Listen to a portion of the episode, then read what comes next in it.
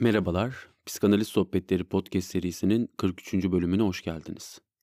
İki haftalık bir ara vermek durumunda kaldık ama şu anda tekrar Antigone ile birlikte bu serimize devam edeceğiz. Hatırlarsanız önceki bölümlerde dilin, işlevinden ve öznenin ortaya çıkışındaki öneminden bahsetmeye başlamış ve sonrasında Sofokles'in Kral Oidipus tragediyasına odaklanmıştık. Ve tüm bunları edebiyatın ve daha genel olarak konuşursak sanatın insana dair neler söyleyebileceğini göstermek için yaptık. Çünkü psikanalizin bulduğu bulguların hemen hemen hepsi zaten öncesinde edebiyatçılar tarafından dile getirilmişti. Bu Freud'un sözü. Örneğin Dostoyevski'ye atıfla Freud bunu açık açık söylüyor. Benim bulduğum her şey onda zaten vardı diyor. Dolayısıyla edebiyat ve daha genel anlamıyla sanat, insana dair birçok şey anlatan, bilimin, psikanalizin ve diğer tüm disiplinlerin bazen bir, bazen birkaç adım önünden giden bir faaliyet. İşte bugün size yine Sofokles'in bir başka eserinden, Lacan'ın özellikle çok üzerinde durduğu Antigone'den bahsedeceğim. Yine Oidipus'ta olduğu gibi ilerleyeceğiz. İlk başta size Antigone tragedisini anlatacağım. Sonrasında da Lacan'ın bu tragedya üzerinden yaptığı çıkarımlara odaklanacağız. Bu Oidipus'a göre biraz daha uzun sürebilir çünkü Lacan çok farklı ve çok geniş şeyler söylüyor Antigone tragediyası ile ilgili. Üç farklı açıdan değerlendiriyor. Ama bunları vakti gelince söyleyeceğim, şimdi değil. Önce Antigone'nin hikayesiyle başlayalım. Hatırlayın, size aslında Oidipus'un hikayesinin sonunda Antigone'nin kim olduğunu söylemiştim. Antigone, Oidipus'un kızı. Oidipus'un Iokaste'den olan kızı ve toplamda dört tane çocuğu oluyor Oidipus'un Iokaste'den. İki tane oğlu, iki tane kızı. Kızlarının adları Antigone ve Ismene, oğullarının adları ise Eteokles ve Polinikes. Bunu doğru okuyor muyum çok emin değilim ama ben Polinikes diyeceğim. Antigone, Oidipus'un ölümünden sonra Tebai şehrine geri döner. Yani Oidipus'un kral olduğu şehre. Ve annesiyle ilişkisinin olduğunu öğrendiği o lanetli şehre. Oidipus'un ölümünden sonra Oidipus'un oğulları olan Eteokles ve Polinikes, babalarının beddualarından korktukları için ülkeyi dönüşümlü olarak yönetmeye karar verirler. Fakat bir süre sonra krallığın paylaşımında sorunlar ortaya çıkmaya başlar. Eteokles sırası geldiği halde Polinikes'e tahtı bırakmak istemez ve onu ülkeden kovar. Bunun üzerine Polinikes Argos kralına sığınır ve altı kumandanla birlikte Tebai önlerine gelerek kardeşine savaş açar. Aiskilos'un Tebai önünde yedi komutan tragediyasına konu olan bu savaşta iki kardeş birbirini öldürür. Krallık Iokaste'nin kardeşi Kreon'a kalır. Çünkü artık en yakın akraba, kral soyuna en yakın akraba Oidipus'un da dayısı olan ve Iokaste'nin kardeşi olan Kreon'dur. Ve Kreon yurdunu savunurken ölen Eteokles'e kahramanlara yakışacak bir cenaze töreni yapılmasını ister. Polinikes'i ise kendi ülkesine saldırdığı için vatan haini ilan eder ve cesedinin gömülmesini yasaklar manasız bir gurur ve ihtirasa kapılarak verdiği bu emir aslında toplumda yerleşmiş adetlere ve inançlara aykırıdır. Fakat halk memnuniyetsizliğini dile getirmeye, Kreon'a karşı çıkmaya cesaret edemez. Oysa Antigone, yani Oidipus'un kızı ve Polinikes'in kardeşi, kız kardeşi bu emre karşı çıkar. Ölüm bile olsa bu emre karşı çıkmanın karşılığı vazifesini yerine getirmeye kararlıdır. Çünkü o her ölünün gömülmeye hakkı olduğuna inanır. Peki nasıl gelişiyor bu hikaye? Size şimdi daha detaylı bir şekilde anlatacağım. Aslında bu gibi durumlarda antik Yunan gelenekleri vatan haini olan kişinin gömülmesini yasaklamaz. Çünkü bu yani gömülme hakkı ve gömülme meselesi tanrıların istediği bir şeydir. Bunun yerine söz konusu hain kişi şehrin dışında bir yere gömülür. Yani şehrin gözünde bir tür aşağılamaya maruz kalırken tanrılar açısından bir sorun yaratılmaz ve kişi uygun geleneklere göre şehrin dışında bir yere gömülür. Çünkü geleneklere uygun bir şekilde gömülmeyen kişinin ruhu Hades'in kapısından geçemez ve ruhu da hiçbir zaman huzura kavuşmaz. Kreon ise işte bu Polinikes meselesinde meseleyi bir adım daha öteye taşır ve Polinikes'in cesedinin gömülmesini ve onun ölümünün yasının tutulmasını tümden yasaklar. Antigone ve İsmene'ye bile. Yani Polinikes'in kız kardeşlerine bile. Antigone şöyle der tragedyanın başlarında. Sefil bir ölümle giden Polinikes'in bedeninin açıkta kalmasını, yasının tutulmamasını emreden bir buyruk yaymış diyorlar tellallarla.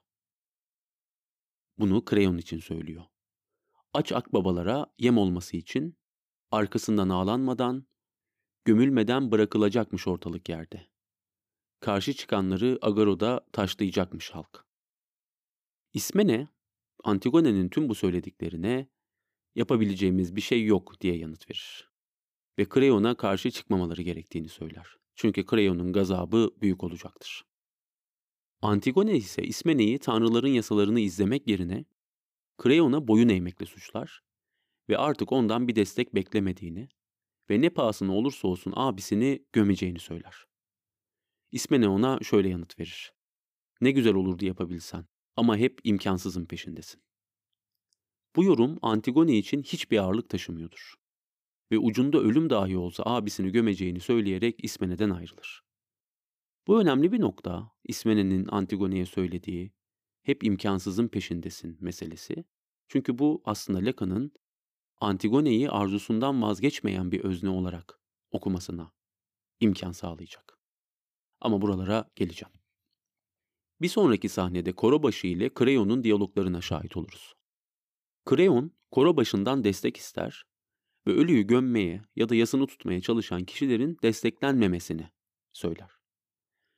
Bu sırada Polinikes'in cesedinin başındaki nöbetçilerden biri gelir ve korka korka da olsa Kreon'a şu haberi verir. Az önce biri ölüyü gömdü. Önce kuru topraklarla kapladı cansız bedeni, duasını okuduktan sonra da kaçtı.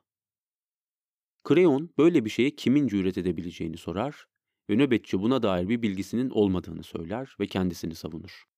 Ben değildim, bizden birisi de değildi. Çünkü o da Kreon'un gazabından oldukça fazla bir şekilde korkar. Sonrasında ise Korobaşı acaba tüm bunlar yani bu gizemli gömülme meselesi tanrıların iradesi mi diye sorar. Kreon ise hiddetlenir ve günümüz politikacılarını Özellikle de az sonra okuyacağım diyalogdan herkesin kim olduğunu anlayacağını düşündüğüm bir politikacıyı anımsatan şu sözleri söyler. Kapa çeneni, öfkemden kudurtma beni. Çıkmasın şimdi ortaya yaşlıdan başka düşüncesizde oldun. Dayanamıyorum tanrıların bu ölüyle ilgilendiğini söylemene. Tapınaklarını, sunaklarını yakıp yıkmaya, kutsal topraklarını, yasalarını kirletmeye geldi diye veli nimetleri belleyip, ona cenaze töreni mi uygun gördüler sence? Tanrıların canileri sevdiğini aklın alabiliyor mu? Yok öyle bir şey. Ama kentte bazıları tahta çıktığım günden beri kafalarını sallayarak gizlice homurdanıyor. Bana göstermeye mecbur oldukları itaate zorla katlanıyorlar. Bunlar birilerini parayla kandırıp suça teşvik etmiş olmalı. Eminim. İnsanlığa para kadar zarar vermiş başka bir icat yoktur dünyada. Para kentleri tutsak eder, yuvalar yıkar, dürüst insanları baştan çıkararak utanca boğar insanları kurnazlığa yönlendirerek her hareketlerinde saygısız olmayı öğretir. Ama para karşılığı bu işlere girişenler er ya da geç bedelini öderler. İyi dinle şimdi beni. Yeminle söylüyorum.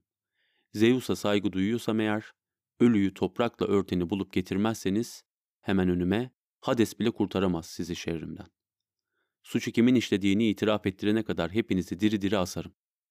Bu da ders olur size. İyice öğrenirsiniz kimden rüşvet alınıp kimden alınmayacağını. Yani Korobaşı'nın tanrıların bu olaya kızmış olabileceğine dair yaptığı ima Kreon'u çıldırtır ve bir tür paranoyaya sürükler. Kesin onu sevmeyen bir takım iç ve dış mihraklar ona bir komplo kurmuşlardır. Ama ilerleyen zamanlarda anlayacağız ki mesele hiç de bununla ilgili değil. Kreon'un verdiği kararların bir sonucu olacaktır ve hiçbir açıklama Kreon'u bu sorumluluktan, bu yükümlülükten kurtaramayacaktır. Bir sonraki sahnede artık suçlu bulunmuştur. Suçlu Oidipus'un kızı, Kreon'un da yeğeni olan Antigone'den başkası değildir. Nöbetçi, Kreon'un yanından cesedin yanına geri döndüğünde cesedi tekrar toprağın altından çıkarttıklarını ve uzak bir yere gidip cesedi gözlemeye başladıklarını anlatır.